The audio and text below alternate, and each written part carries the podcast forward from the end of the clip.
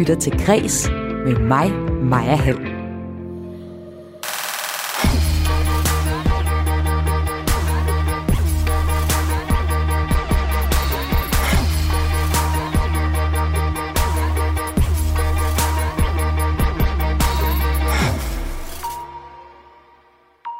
Seksuelle krænkelser i DR's pigekor.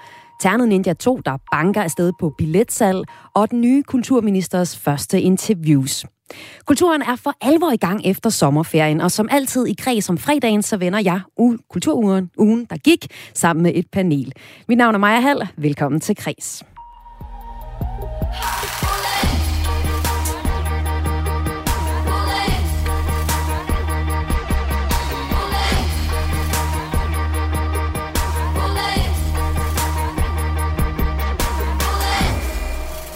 Og panelet i den her uge kommer fra egne rækker. Jeg kan sige velkommen til dig, Lene Grønborg Poulsen. Tak skal du have. Du er teateranmelder på Kristelig Dagblad, du er medlem af Røgmert og så er du også tilrettelægger journalist her på Græs. Og det er du også, Karoline. Velkommen til dig også. Tak. Du hedder Karoline Kjær Hansen. Du er udover Græs også vært på litteraturprogrammet Mellem Linjerne, og så er du også vores litteraturekspert her på Radio 4. Så øh, det er os tre, dig, der lytter med, kan få lov at høre på de næste 55 minutter, hvor vi skal tale om ugen, der gik i kulturen. Vi skal tale om det mest overraskende, der skete i den her uge, om en fed kulturoplevelse og om en interessant perspektivhistorie fra ugen. Og så skal vi høre noget ny musik. I har begge to taget et nummer med.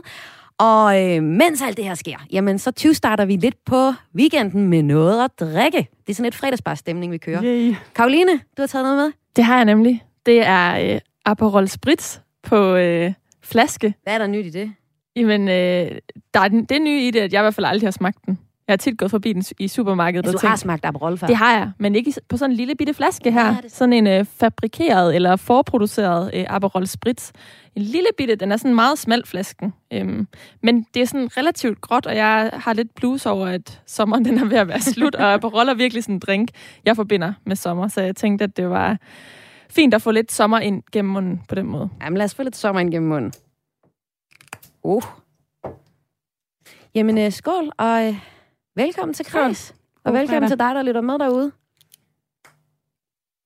Hvis... Uh, den er stærk. Den er god. Det skal nok blive et Det er en drink, Maja. Det må du nok sige, det er. Dig, der lytter med, hvis du har en kommentar til, hvad der foregår galskab her i radioen, så sender du selvfølgelig bare en sms til os. Du sender den til 1424, og i, begra- eller i beskeden, der skriver du R4, laver et mellemrum og skriver din besked. Det første, der skal ske i programmet i dag, det er, at vi skal tale om den mest overraskende historie for den her uge. Jeg har valgt at kalde elementet for Halli Hallo, hvad skete der lige der?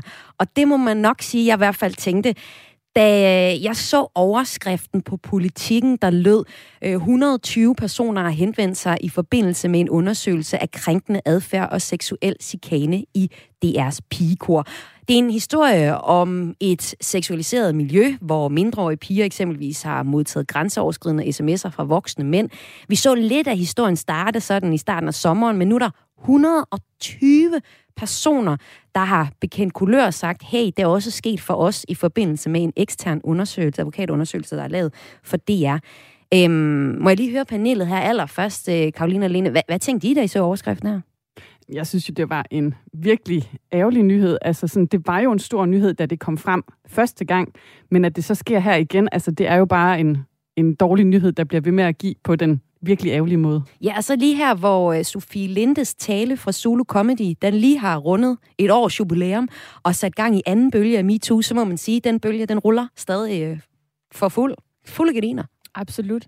Altså jeg tænkte bare, 120, det er jo helt vildt mange mennesker. Øhm, det viser virkelig, hvor stort et oprydningsarbejde der er med at få øh, skabt lidt mere orden, øh, også i kulturbranchen. Og så kan vi også sige hej og velkommen til dig, Mette Davidsen Nielsen. Du er kulturredaktør på Politikken, som har haft den her historie. sidder her i Radio 4 studier i København, i studiestrædet med et glas vand. Nej, Så- det er lidt tørt for dig, det kan ja. jeg godt høre, Mette. Men øh, ja, men der er vigtige sager at tale om. men det er der. Altså første gang, jeg hører, at der har været grænseoverskridende, et grænseoverskridende miljø i deres pigerkor, det er sådan tidligere på sommeren, hvor jeg har talt med, med omkring 40 tidligere medlemmer af koret. Men øh, Mette, hvor, hvornår starter den her historie for dig på politikken?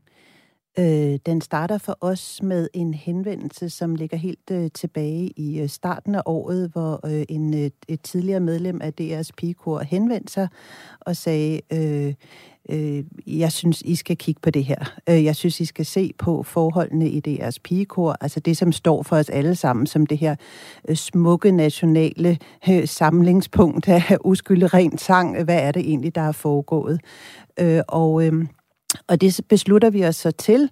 Altså, vi får løbende på Politikens Kulturredaktion en, en del henvendelser, fordi vi har faktisk siden 2017 beskæftiget os med en, med en del øh, øh, MeToo-historier, så, så vi får løbende de her henvendelser, og vi ved også, at det er jo ikke bare så noget, nogen ringer, og så skriver man det i avisen. Det er sager, der skal øh, undersøges grundigt og, og øh, kan være vanskelige at dokumentere. Så vi, øh, så vi valgte i første omgang at sige, okay, det her øh, lyder væsentligt, øh, men også svært, fordi øh, det også går i bag, tilbage i tiden. Så der besluttede vi os til at sætte gang i sådan en, en forundersøgelse for at se, hvor, hvad, hvad kom der frem. Ja, det er jo sager, der strækker sig tilbage til 1996, hvor I har beskrevet, hvordan DR's øverste ja, ledelse... længere, længere, og, læ- længere, og længere tilbage. Længere tilbage. Ja, ja. Men, så, så når man arbejder med noget, der er, går så langt tilbage, hvordan griber man det så an som redaktion? Altså i første omgang, der undersøgte vi den periode, det var også sådan, det først kom, og som de historier, vi først skrev tilbage i juni, handlede om den periode, fra, fra 2001 til 2010, under den chefdirigent, der hed Michael Bøjesen. Øh, det var det første, vi skrev øh, og det handlede jo også om seksualiseret anklager, om seksualiseret kultur og, og grænseoverskridende adfærd. Og, og, det, øh, og der talte vi netop, som du også nævnte, med rigtig, rigtig mange forskellige øh, øh, kvinder, øh, nu som havde været pigekorsanger øh, øh, over 40, for at finde ud af, hvad, hvad gik det her ud på, hvordan kunne, øh, hvad havde, altså hvor udbredt var de her oplevelser, hvilken slags dokumentation øh, kunne vi finde frem. Så der startede det ligesom. Øh, og allerede på det tidspunkt var vores, øh, handlede vores første nyhed i høj grad om, at, øh, at der også havde fundet en undertrykkelse af klager sted. At øh, øh, der var mange, der havde oplevet den her grænseoverskridende kultur, og der var faktisk også nogen, der havde forsøgt at, at, at, at klage og bede om hjælp, og det var blevet undertrykt. Og det er jo så historien, der fortsætter, og så breder sig længere tilbage med rigtig mange, øh, men også at, øh, at der faktisk hen ad vejen også er nogen, der har forsøgt at, at, at få det stanset, øh, øh, men uden at få den nødvendige opbakning. Og det er jo der, man kan sige, den store skandale, ja, ud over alle de her unge kvinder, øh, selvfølgelig først og fremmest, men, men at, øh, at, at det over så mange år ikke øh, er blevet undertrykt, det er jo sådan fuldstændig skandaløst. Hvordan vil du beskrive det grænseoverskridende miljø, der har været i deres øh, pigekor? Øh, altså, øh, øh, ja, man kan sige, det er jo, en, det er jo sådan et elite-miljø. Øh, det er... Øh, unge kvinder i deres varetægt, som, som, øh, øh som øh, øh, er jo på mange måder utrolig professionelt miljø, øh, hvor, hvor, hvor, hvor det handler om at præstere sit ypperste, og hvor man bruger øh, al sin fritid og rejser rundt i verden og optræder, og så samtidig, og det har det jo helt klart været, det er jo et vanvittigt dygtigt professionelt kor, men samtidig har der så fundet den her grænseoverskridende, og sådan som de beskriver det, kvindernes sådan, seksualiserede miljø. Øh, og det er jo hele det, øh, som så viser sig senere faktisk, øh, øh og, har, øh, og allerede er startet under den forrige chefdirigent, så, øh, som hedder Tage Mortensen. Så, så, så man kan sige, at i en meget lang årrække har der været forsiden af medaljen, den smukke sang, det er altså øh, øh nationens øh, øh, døtre, der har samlet os alle sammen, og bagsiden af medaljen har så været et grænseoverskridende og seksualiseret miljø. Det er i hvert fald sådan, som de beskriver det. Ja, men, men, men konkret, hvad, hvad er det for et miljø? Jamen, altså, det, det er jo vidnesbyrd, øh, og sådan som det altid er, når man øh, også journalistisk dækker den her sager, det er jo, at, vi, at det, er jo, øh, øh det er jo vidnesbyrd, øh, øh, hvor, hvor, hvor øh, mennesker træder frem og siger, jeg har oplevet det her. Øh, og så skal du selvfølgelig høre den anden part og så videre, men, men det er jo sådan ud over en seksualiseret stemning, hvor det handlede om at øh, øh, ligesom at, at være dem, der var øh, inde i varmen, så er det også sådan... Øh, øh, sms'er og, og, og, og, og, hvad kan man sige? Simpelthen lumre sms'er ja, og lumre, blikke. Ja, præcis, og, mm. og andre ting. Og man kan sige det, øh, øh, og så er det jo det, som I også starter med, som selvfølgelig er rystende, det er jo altså 120, og, og næsten alle af dem er jo vidnesbyrd. Så man tænker, selvom det er over mange år, så er det jo ikke sådan enkeltsager, der er foregået i et hjørne. Det er, jo, det er jo på den måde. Så det er en blanding af det konkrete, og så udbredelsen, altså den rene volumen i det, som, øh, som ja, vi selvfølgelig har fokus på også. Og så siger du, det mest skandaløse i den her sag er sådan set, at de her øh, sager er blevet set, altså der er ikke blevet reageret på den. Tidligere DR's generaldirektør Christian Nissen aftviste i 96 en klage over krænkelser i, i DRP-kodet, uden grundigere undersøgelser i blandt andet skrevet. Ja. Og så er der jo så øh, ja, topchefen nu, som øh, jeg kan læse, du tidligere på sommeren også har været lidt ude efter. Øhm, og du simpelthen har savnet en reaktion fra Maria Rørberøn, der er deres topchef lige nu. Jeg har så fået et interview med hende, og hun siger blandt andet, at jeg bliver fysisk dårlig ved tanken om, hvad der er foregået, og at, og nu citerer jeg hende, jeg er flov over, at der, som, at der er foregået at det er foregået i den institution, som jeg i øvrigt elsker at være i og arbejde for. Som institution har vi et ansvar for at undersøge disse ting og håndtere håndteringen af dem lige meget, hvor mange år siden det er, sagde hun øh, til jer øh, her ja, i løbet af ugen. Øhm, Mette Davidsen Nielsen, kulturredaktør på Politiken, Har DR handlet rigtigt i den her sag? Man kan jo i hvert fald sige, at i en lang, lang overrække har de overhovedet, altså har de handlet på, på, på, på, på den forkerte måde, fordi det vi jo også har dokumenteret, det er, at de her forsøg øh, fra pigernes side på at klage er jo faktisk blevet undertrykt. Vi har også dokumenteret, at øh, øh Christian Nissen, som jo ligesom udtaler tidligere, at det her faktisk øh, personligt har været med til øh, at, at afvise en klage fra nogle forældre.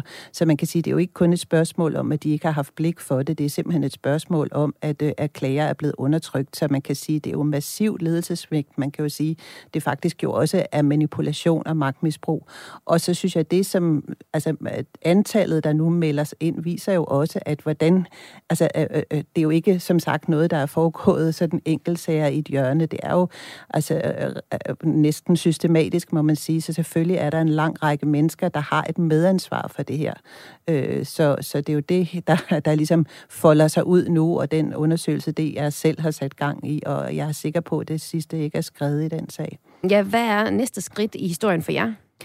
Jamen næste skridt er, at altså, vi har jo arbejdet med den længe og har talt med, øh, med rigtig, rigtig mange øh, øh, tidligere pigekursanger, øh, både under Tage Mortensen den, øh, og, og Michael Bøjsen, så, så man kan sige, dem har, er vi jo i løbende kontakt med, og, og vi ved jo også, at en, en stor del af dem også medvirker i undersøgelsen, men det er jo ikke kommet Indtil videre har de sagt, at der er 120, der har meldt sig, øh, og, og så, øh, men vi ved stadigvæk ikke, det er i slutningen af september eller i starten af oktober, at de vil sige noget mere om, hvad de så har fundet ud af i den undersøgelse. Så der bliver det mere konkret, og ikke mindst, og det er jo det, der bliver virkelig afgørende, det er også, øh, hvem har haft ansvaret for det her. Øhm, øh, og, og, og, og og de øh, kilder, vi er i kontakt med, de er jo sådan af gode grunde også sådan lidt skeptiske, fordi de har ikke kæmpe meget tillid efter alt det, de har oplevet til det, at de vil de virkelig tage ordentligt fat i det her. Men, men det siger Maria Røbe Røn jo, hun vil, øh, og der er der ingen tvivl om, at, øh, at det selvfølgelig gør et dybt indtryk på hende, men institutionen, det er, har jo et enormt ansvar her. Og det må vi holde dem op på som kultur. Ja, det må vi. Det må vi. Vi skal bare blive ved. Ja. Det gør vi. Mette Davids Nielsen, tak fordi du var med. Det var jamen, en vigtig sag, så øh, ja, jeg, det er helt sikkert, at vi vil fortsætte med at følge den. Det er godt. Og Mette er kulturredaktør på Politikken, og jeg vil invitere hende ind i fredagspanelet i dag for at fortælle om den mest overraskende kulturnyhed fra den her uge. Altså sagen om, at der er 120 personer, der har henvendt sig i forbindelse med en undersøgende, undersøgelse af krænkende adfærd og seksuel, øh, seksuel chikane i koret. Det var den første historie, vi i panelet rundede her, hvor vi altså havde øh, kulturredaktøren for Politikken med. Udover at vi skal tale om, hvad der er sket i kulturen den her uge, så skal vi også høre lidt musik og holde lidt fast i den her øh, fredagsbars stemning. Og øh, lad os da tage noget musik, Karoline. Du har taget noget med. Noget det nyt. Et helt nyt nummer. Vi skal høre et nummer fra Lords nye album, Solar Power hedder det. Øhm, det er Lords tredje album. Lord, hun er en 24-årig øhm, popstjerne, har jeg lyst til at kalde hende. Hun debuterede som 16-årig øh, og skrev sådan nogle meget sådan lidt naive popballader. Og det her det er så hendes tredje album. Og det synes jeg er virkelig godt. Øh, hun har fået sådan lidt mere modent udtryk. Øh, hendes sange øh, handler også om sådan noget lidt mere essentielt, hvordan livet kan være lidt tungt. Det nummer, som vi skal høre nu her om lidt, der synger hun blandt andet Can't seem to, to fix my mood today. It's as dark as my roots. Så det er, sådan, det er egentlig nogle lidt sådan tunge ting ved tilværelsen, hun tager fat i, men hun formår sådan ikke at give det et alt for tungt øh, udtryk, blandt andet på den her sang, fordi der er sådan et lyst kor. Og det får vi jo allerede lige af her. Mood Rings hedder det. Med Lorte.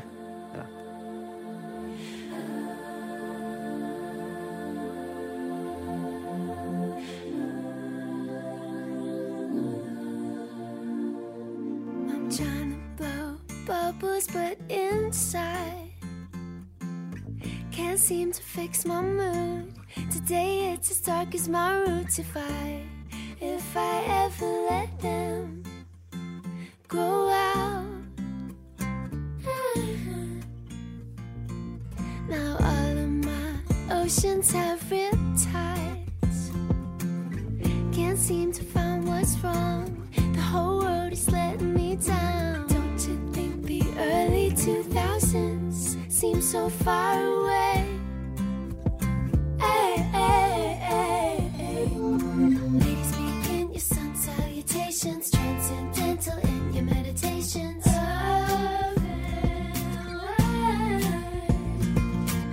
Come on stage and I'll cleanse the crystals.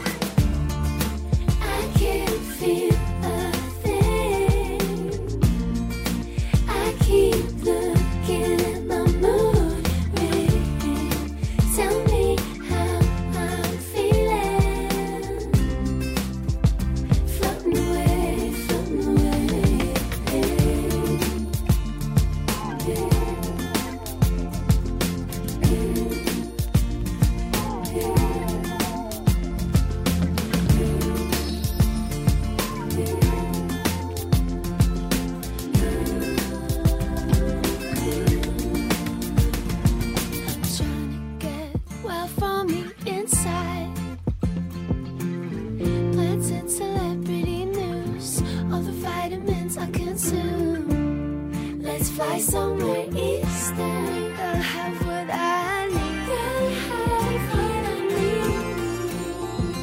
Let's go. Ladies, begin your sun salutations. Pluto and Scorpio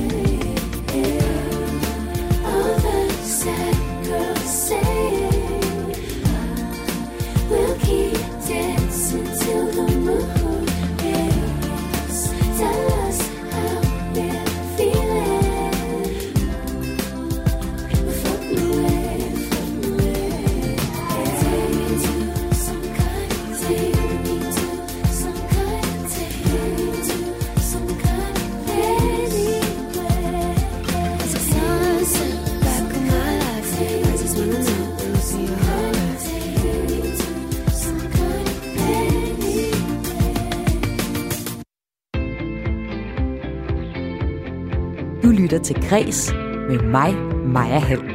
Og det er en fredagsudgave af Kreds, vi har gang i, og det betyder, at jeg har et panel med mig. Det er gode kollegaer fra Kreds, der er med i dag. Det er dig, Line Grønborg Poulsen, som også arbejder som teateranmelder på Kristelig Dagblad og er medlem af jury, ju, Rømert Juryen, og Karoline Kjær Hansen, der udover Kreds også er vært på litteraturprogrammet Mellem Linjerne her på kanalen. Og vi har jo fået øh, noget Aperol på flaske fra, øh, fra dig, Karoline. Du synes ligesom, at det var den måde, vi startede fredagen bedst på. Hvad, hvad, hvad siger I til, nu har I drukket lidt af den?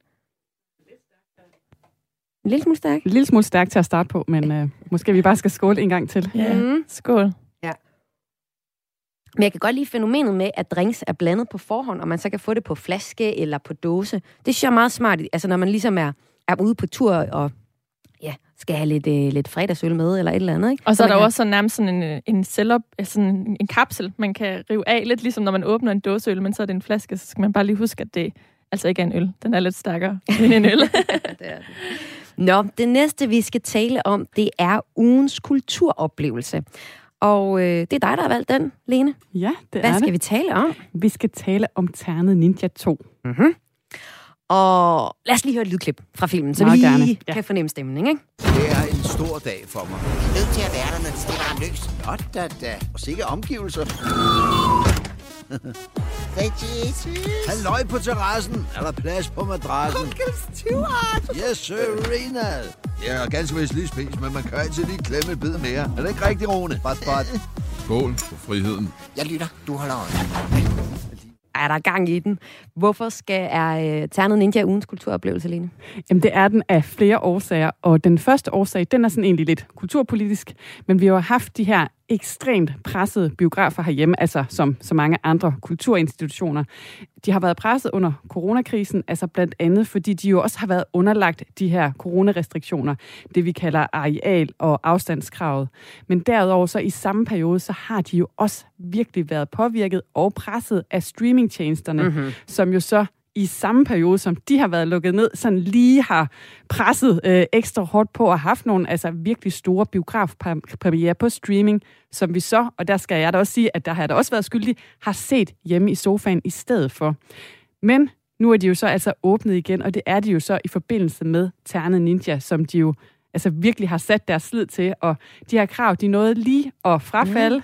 Det var lidt heldigt. Det var meget heldigt, og øh, ja, det kan man jo tænke en masse om, men altså, øh, Anders Mattesens film Ternet Ninja, den fik jo så premiere, og den havde en kanon åbningsweekend, og den stod faktisk rekord. Hold nu fast, den solgte, jeg har tallet her, 246, billetter. Det er altså rigtig mange mennesker, og det er altså også den film, der har solgt flest i en premiere weekend nogensinde.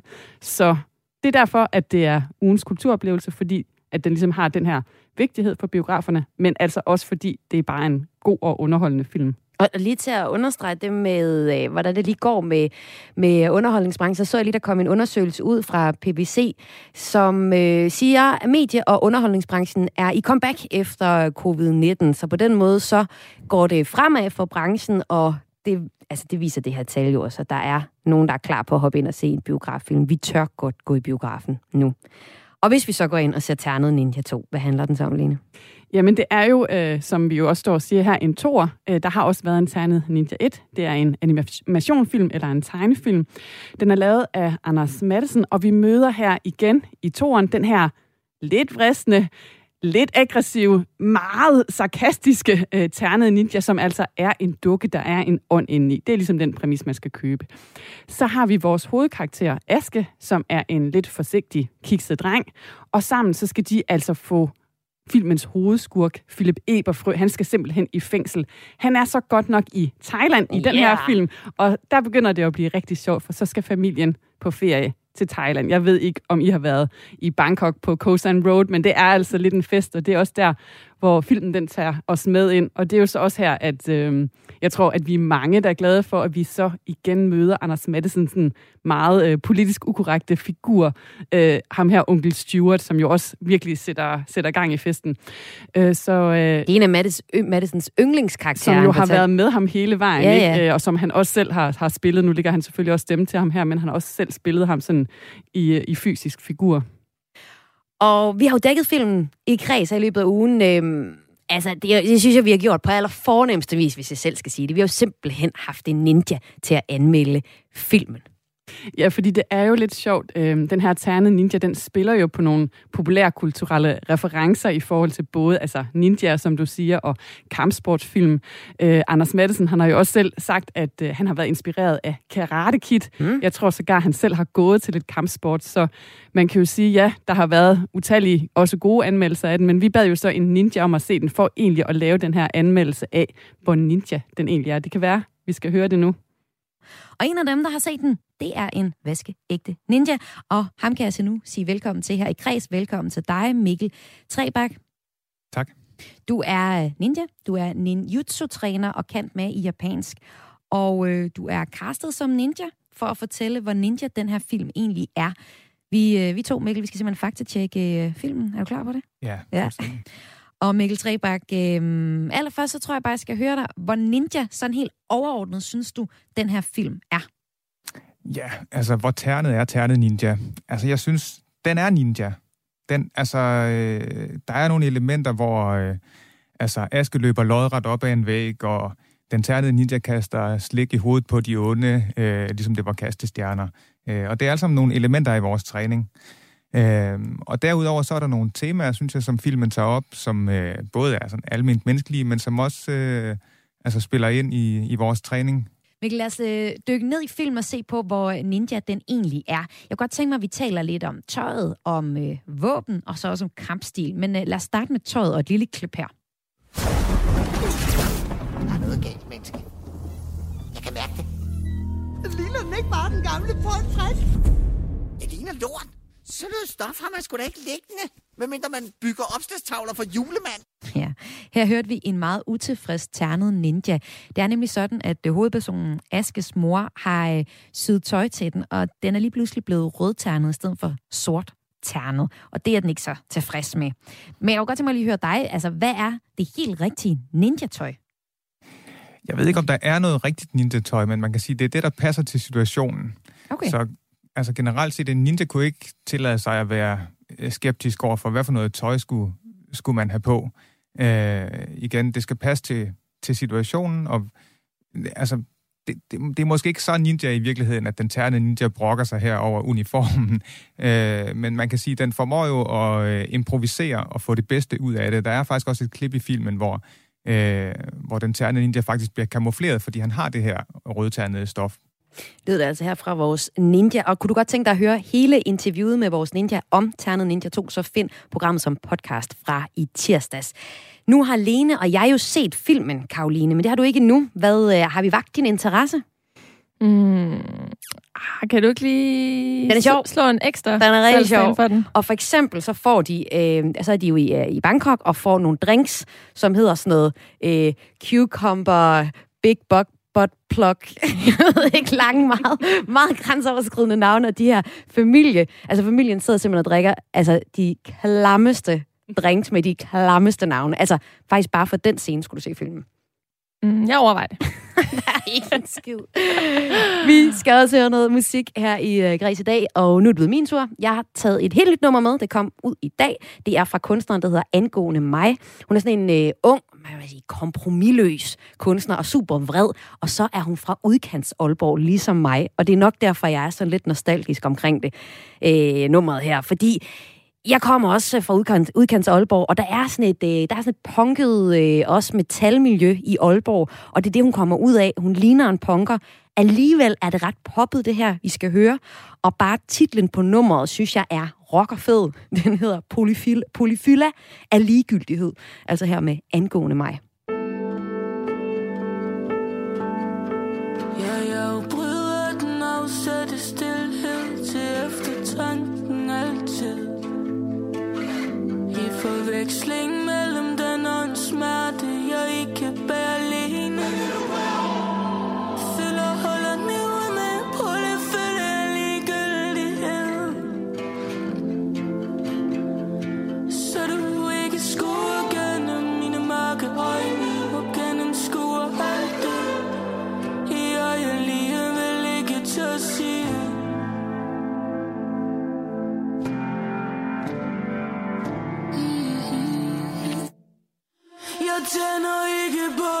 Menneske.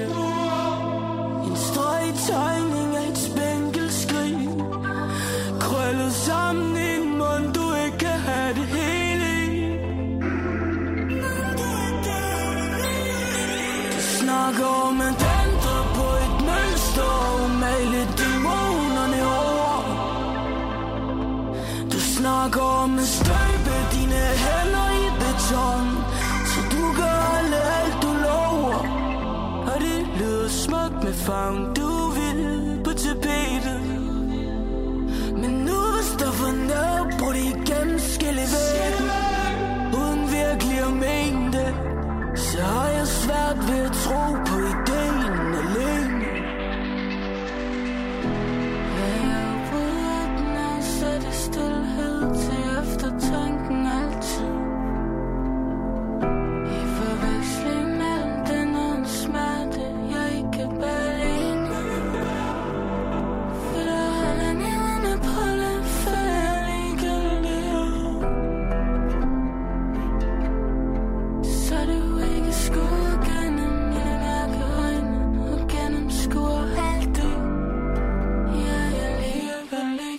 see.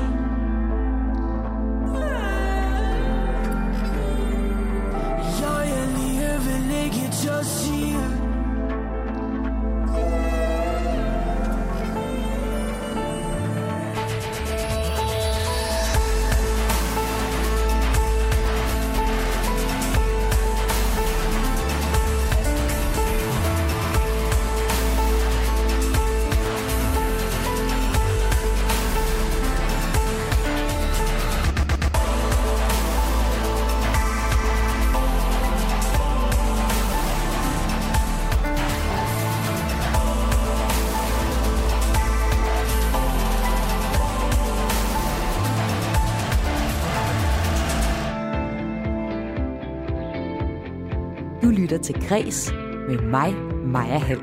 Men jeg står her ikke alene. Jeg har også Lene Grønborg Poulsen med, og Karoline Kjær Hansen. I arbejder begge to på Kreds, men er også henholdsvis teateranmelder på Kristelig Dagblad, medlem af Røm og og vært på vores litteraturprogram Mellem Linjerne her på Radio 4. Og øhm, nu er vi kommet til den tredje runde her i fredagspanelet, hvor vi ser på ugens perspektivhistorie. Hvad mener vi med det? Jamen, det er den, som har gjort os klogere på noget, som vi kun kendte lidt til i forvejen.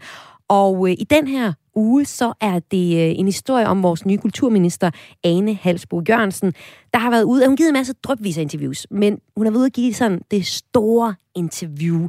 Og øh, Karoline, du har læst det, du har finkæmmet det. Hvad har du fået ud af at læse det interview?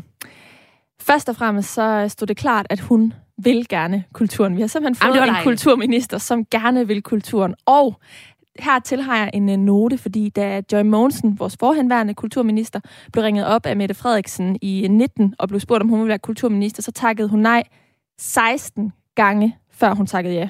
Anne Halsbo Jørgensen, hun var altså ude at indrømme, hun sagde ja med det samme, for hun vil sgu gerne kulturen. Og hun sagde synes, hun, at... prøv sagde hun nej 16 gange? Ja.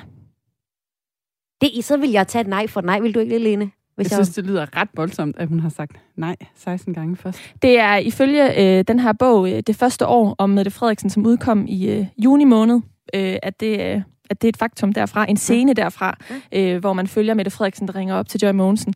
Men Ane Halsby Jørgensen, hun sagde altså ja Og med det, det, synes jeg er lidt sjovt, fordi at, at hvis man ligesom rangerer ministerierne, ikke, så er øh, Forsknings- og Undervisningsministeriet, som Ane Halsbo Jørgensen kommer fra, et øh, ret fint ministerium. Eller i hvert fald et ministerium, hvor der hænger lidt flere penge på træerne, end der gør i Kulturministeriet. Så jeg synes, det er interessant, at hun var så klar på det. Sagde hun noget om det i interviewet?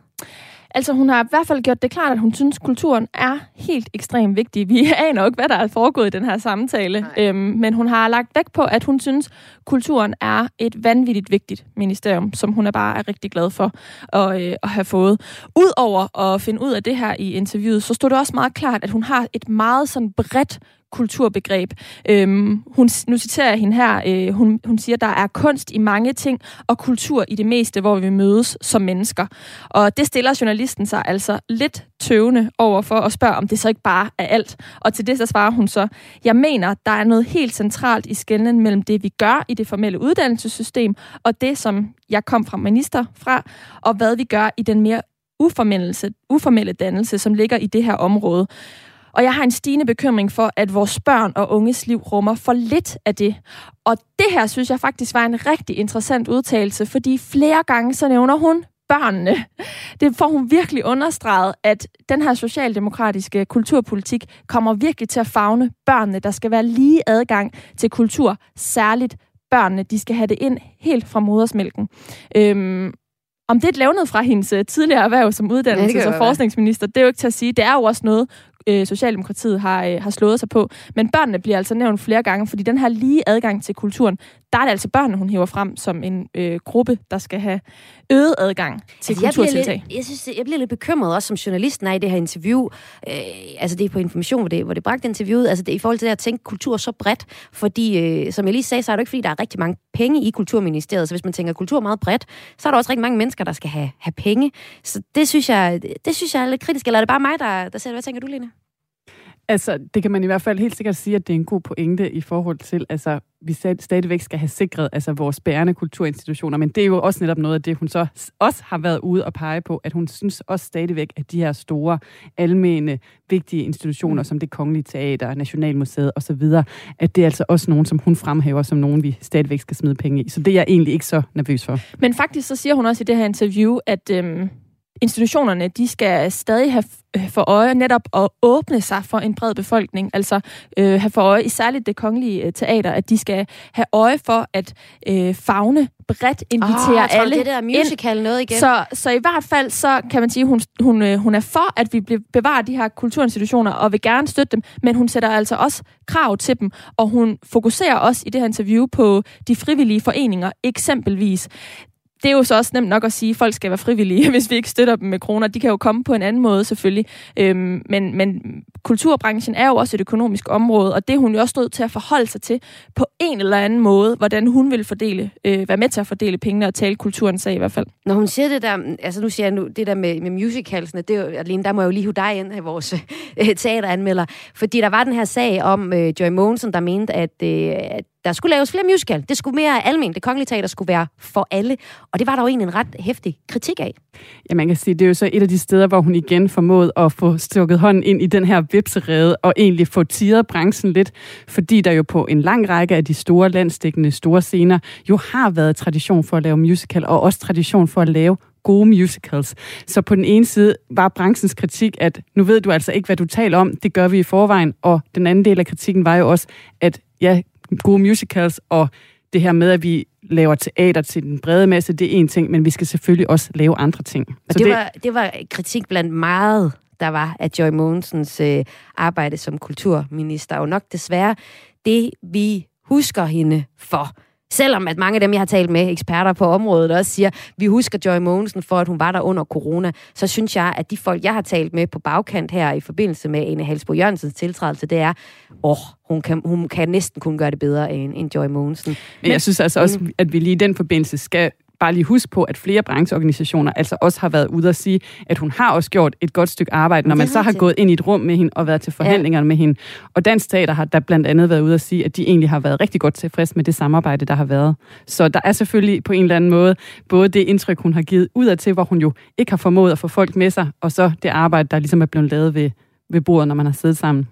Men det interessante er i hvert fald i forhold til øh, interviewet her, Ane Halsbo Jørgensens øh, kultursyn, at det her med at have, have den brede befolkning og det brede publikum for øje, det nævner hun i forbindelse med det kongelige teater. Men i forhold til Nationalmuseet, der er hun bare helt på, vi skal øh, forstå øh, fortiden for at kunne være i vores øh, nutid og, og se frem, øh, siger hun i interviewet sådan lidt floskelagtigt. Men det er hun i hvert fald meget omfavnende med at tøre, øh, tø, tøver ikke et, et sekund i forhold til den institution. Ja, nu siger jo lidt floskelagtigt. Det er også mit indtryk af hende lige nu. Altså, jeg glæder mig til, at hun træder lidt i karakter, men det kan jo være, at hun gør det, når hun... Øh skal løfte sin første store opgave, som det bliver kaldt, det er medieforhandlingerne.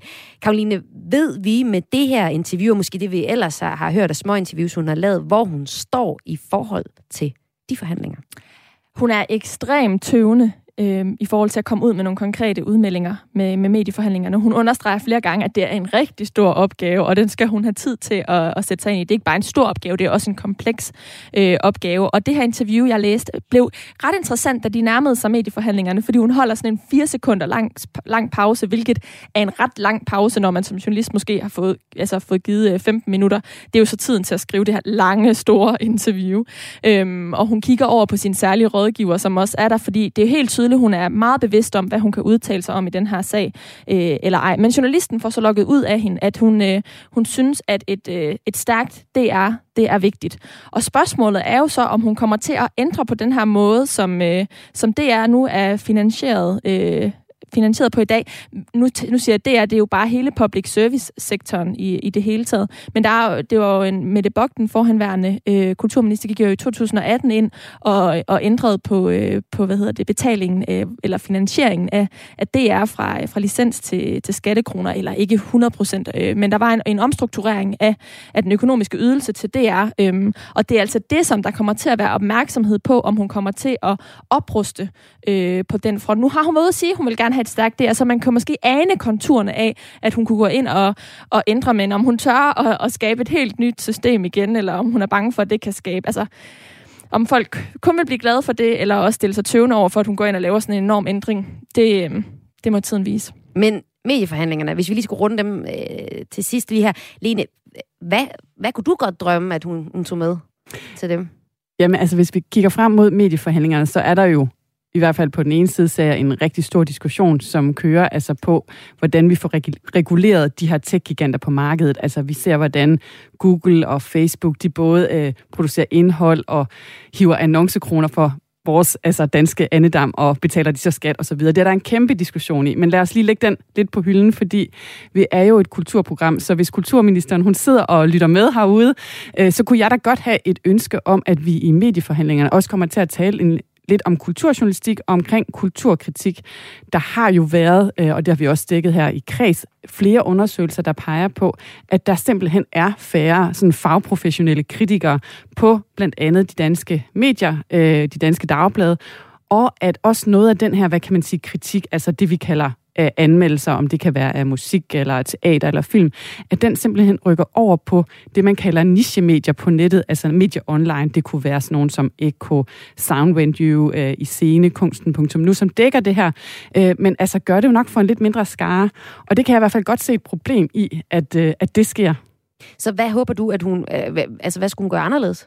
Altså en af løsningerne, som øh, Foreningen for Forenede Kritikere jo har ude at pege på, det er, at når der sker det her, at man kan man sige, at den her fagprofessionelle kritik, den rykker over på de små medier, så har vi jo på en eller anden måde et problem i vores mediestøtteordning, fordi at de får simpelthen øh, mindre støtte. Øh, her sidste gang, der blev der kun givet midler til sådan nogen som Kulturmonitor og til Eko, og der var kun tale om 800.000 kroner. Så på en eller anden måde bliver det jo en skævvidning, og det kommer jo til at også få en, hvad kan man sige, betydning for det økosystem af anmeldere, fordi der vil jo så også være flere penge til anmeldere, og, og færre mennesker, der kan leve af at anmelde. Så det er på en eller anden måde en, en rigtig dårlig ring, der er Men, gang men i. tænker du så, at de skal have flere penge, de små medier, eller, eller skal, der, skal der fastsættes nogle... Altså, vi, vi har haft en uge, hvor der har været underskriftindsamling for at få mere kulturnyheder ind på de to store, øh, altså på TV2 og på DR, så der simpelthen var et, et, et, et kulturnyhedsprogram i forbindelse med for eksempel DR's nyheder. Er, er, det, er, det, er det den vej ind, eller er det de små, der skal have flere penge? Altså, jeg ser det egentlig som to del, altså, fordi jeg synes, at de små medier, de kunne sagtens bruge nogle flere penge, men det er jo også vigtigt, at vi har bliver ved med at have den her samtale om kunst og kultur. Vi har den på nogle medier, som vi alle sammen bruger. På DR eller TV2 På for DR, eksempel, ja. eller, eller i de store aviser. Og det er jo vigtigt, for at vi har et fælles sprog omkring, hvordan vi, vi, vi taler om kunsten og kulturen. Jeg kan da godt være nervøs for, at hvis den samtale, den kun rykker ud på de små medier, så vil den være svær at finde for rigtig mange, og den vil måske, kan man jo også frygte, lukke sig lidt om sig selv, fordi den så foregår i nogle bestemte miljøer. Mm, mm. Men øh, det må vi se, hvad hun, øh, Vi må hun tager se. fat i Vi må her. vente og se, ja. ja. Du lytter til øh, Radio 4, du lytter til programmet Kreds, og det er en fredagsudgave af den, hvor vi vender ugen, der er gået i kulturen.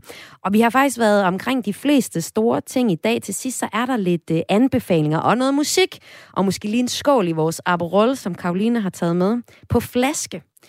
Smart og hurtigt øh, at tage med, men altså... Skål. Mm. Skål, men, øh, men vi dækker den også kritisk og siger, at den er for stærk, simpelthen. Til Jeg os. kan altså godt lide den. Nå, okay. det er fair nok. Lene, du har taget noget musik, hvad vi skal høre. Yes, vi skal høre et nummer af sangerinden Selma Judith, og hun udgav jo det her debutalbum, Getting Angry Baby. Der er et eller andet tema omkring øh, unge sangerinder, der, der er sure her. øh, men, øh, men altså, det er musik, som jeg synes ligger sig et ret spændende sted mellem, at det på nogen måder er sådan ret eksperimenterende og sådan lidt crazy, og øh, der er blandt andet et nummer, hvor hun øh, sætter musik til en Greta Thunberg øh, sang, eller, ja, ja, eller tale, ja. ja, og der er et nummer, hvor hun egentlig bare starter med at råbe i hele indledningen, at hun er vred. øh, men altså, nu skal I ikke se så øh, forskrækket ud, fordi øh, det er et nummer, som øh, er i den lidt mere poppet ende fra albummet, som jeg har valgt, fordi nu er det jo fredag. Så det nummer, vi skal høre, det hedder Blame It All On. You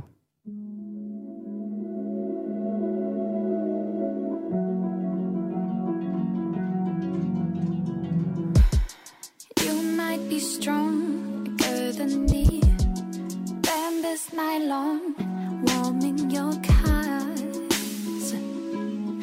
Looking a party. Right now you smile, but for how long? So soon out the door. you're used to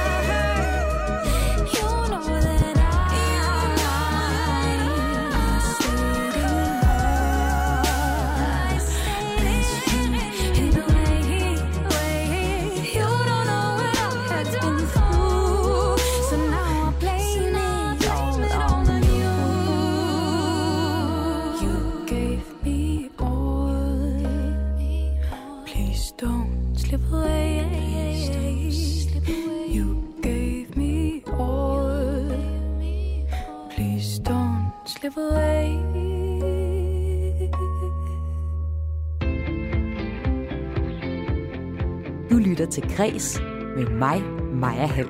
Hvad, Lene, går det ikke lidt langsomt med at drikke din drink? Du har ret, jeg må hellere lige få, få lavet en skål. Hvad med dig? Ja, godt i gang. Jeg er jo glad for den. Ja. Har I prøvet andre af de her øh, øh, drinks på flaske og dåse? Nej, det er derfor, jeg har taget den med i dag, for jeg har glædet mig sådan til at smage den. Man kan også få for eksempel mojito på, øh, på i sådan en bag in a box.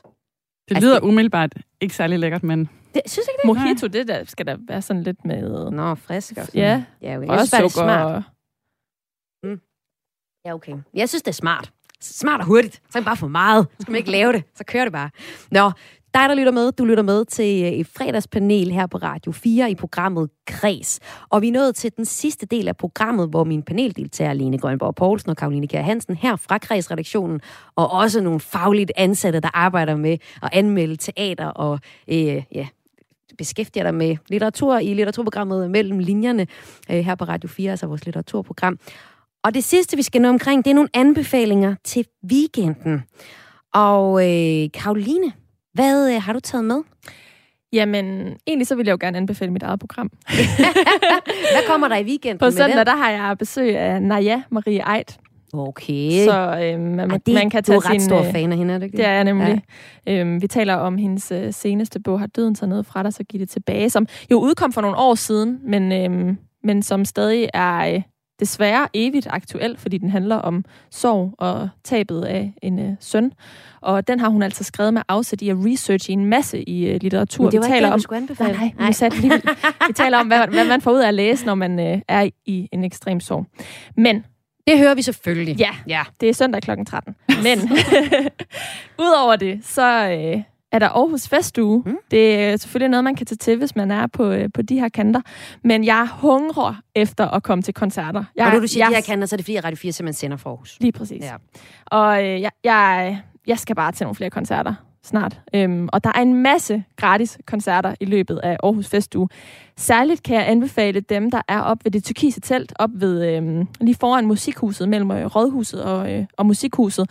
Det, de spiller sådan lidt mere... Øhm, øh, eksperimenterende musik, der, øh, eksperimenterende kunstnere, der kommer på scenen der. Og der er et band, der hedder Døssing, som øh, spiller i aften kl. 19. Det er et helt nyt jazzband, som øh, udgav deres første single All Inclusive her den 13. august, så det er virkelig sprit nyt. Og de spiller som sagt i aften kl. 19, og det her mu- Vi, den vi her lige musik... lidt personligt. Ja. Lidt af det her, bare sådan lige. Det er det, der, det er der ligger nedenunder. Mhm. Bare, bare tale videre, ja. Det er sådan meget øh, legesyg deres musik, vil jeg egentlig beskrive den til, og samtidig ret stilet. Det er sådan, jeg synes, det er vildt behageligt at lytte til, men så er der også noget, der sådan stikker ud en gang imellem, så man, man har svært ved ikke at flyde med tonerne. Hvis man for eksempel hører det, når man øh, laver mad, så øh, man kan sagtens have det som sådan noget baggrundsmusik, men samtidig så det, kan man også nogle gange sådan lige blive, hov, ej, det lød anderledes, det der. Øhm, Jeg hører bare lige lidt af det.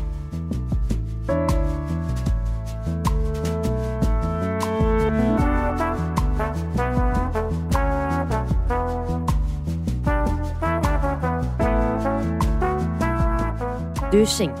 Med All Inclusive hørte vi her, og Døssing kan man så altså høre til Aarhus Festuge i det, med den scene, der hedder Det Tyrkise Telt. Det var din anbefaling, Karoline. Hvad har du med, Lene? Jamen, jeg har en bog med, som jeg synes, man skulle sætte sig og læse hjemme i sofaen i den her weekend, nu ja. hvor vejret det ikke nødvendigvis bliver så godt. Og øh, det er en bog, som udkom i onsdags. Den hedder Alt den vrede, Serena Williams i en hvid verden. Mm. Øh, og den er skrevet af journalist Anders Hård Rasmussen. Og øh, den handler egentlig om, altså den første scene i bogen, det er, at han selv, øh, Anders, øh, forfatteren her, han sidder og kommenterer på finalen ved US Open i tennis tilbage i 2018, hvis der er nogen, der kan huske den kamp. Men det var altså en kæmpe sportsbegivenhed, som endte i det vildeste drama. Fordi at Serena Williams, som jo er den her, det her store tennisikon, hun simpelthen, jeg tror godt, jeg kan tillade mig at sige, hun gik amok og råbte efter dommeren, øh, fordi han, øh, han, han ligesom gav hende nogle fejl. Han mente, at hun kommunikerede med hendes træner, det må man ikke under, og hun mente, at hendes træner havde bare givet ham givet en thumbs up, og det må man godt. Øh, men den endte altså i øh, skænderi, og øh, i at hun tabte kampen, og i at publikum jo altså nærmest bare buede hende ud af banen.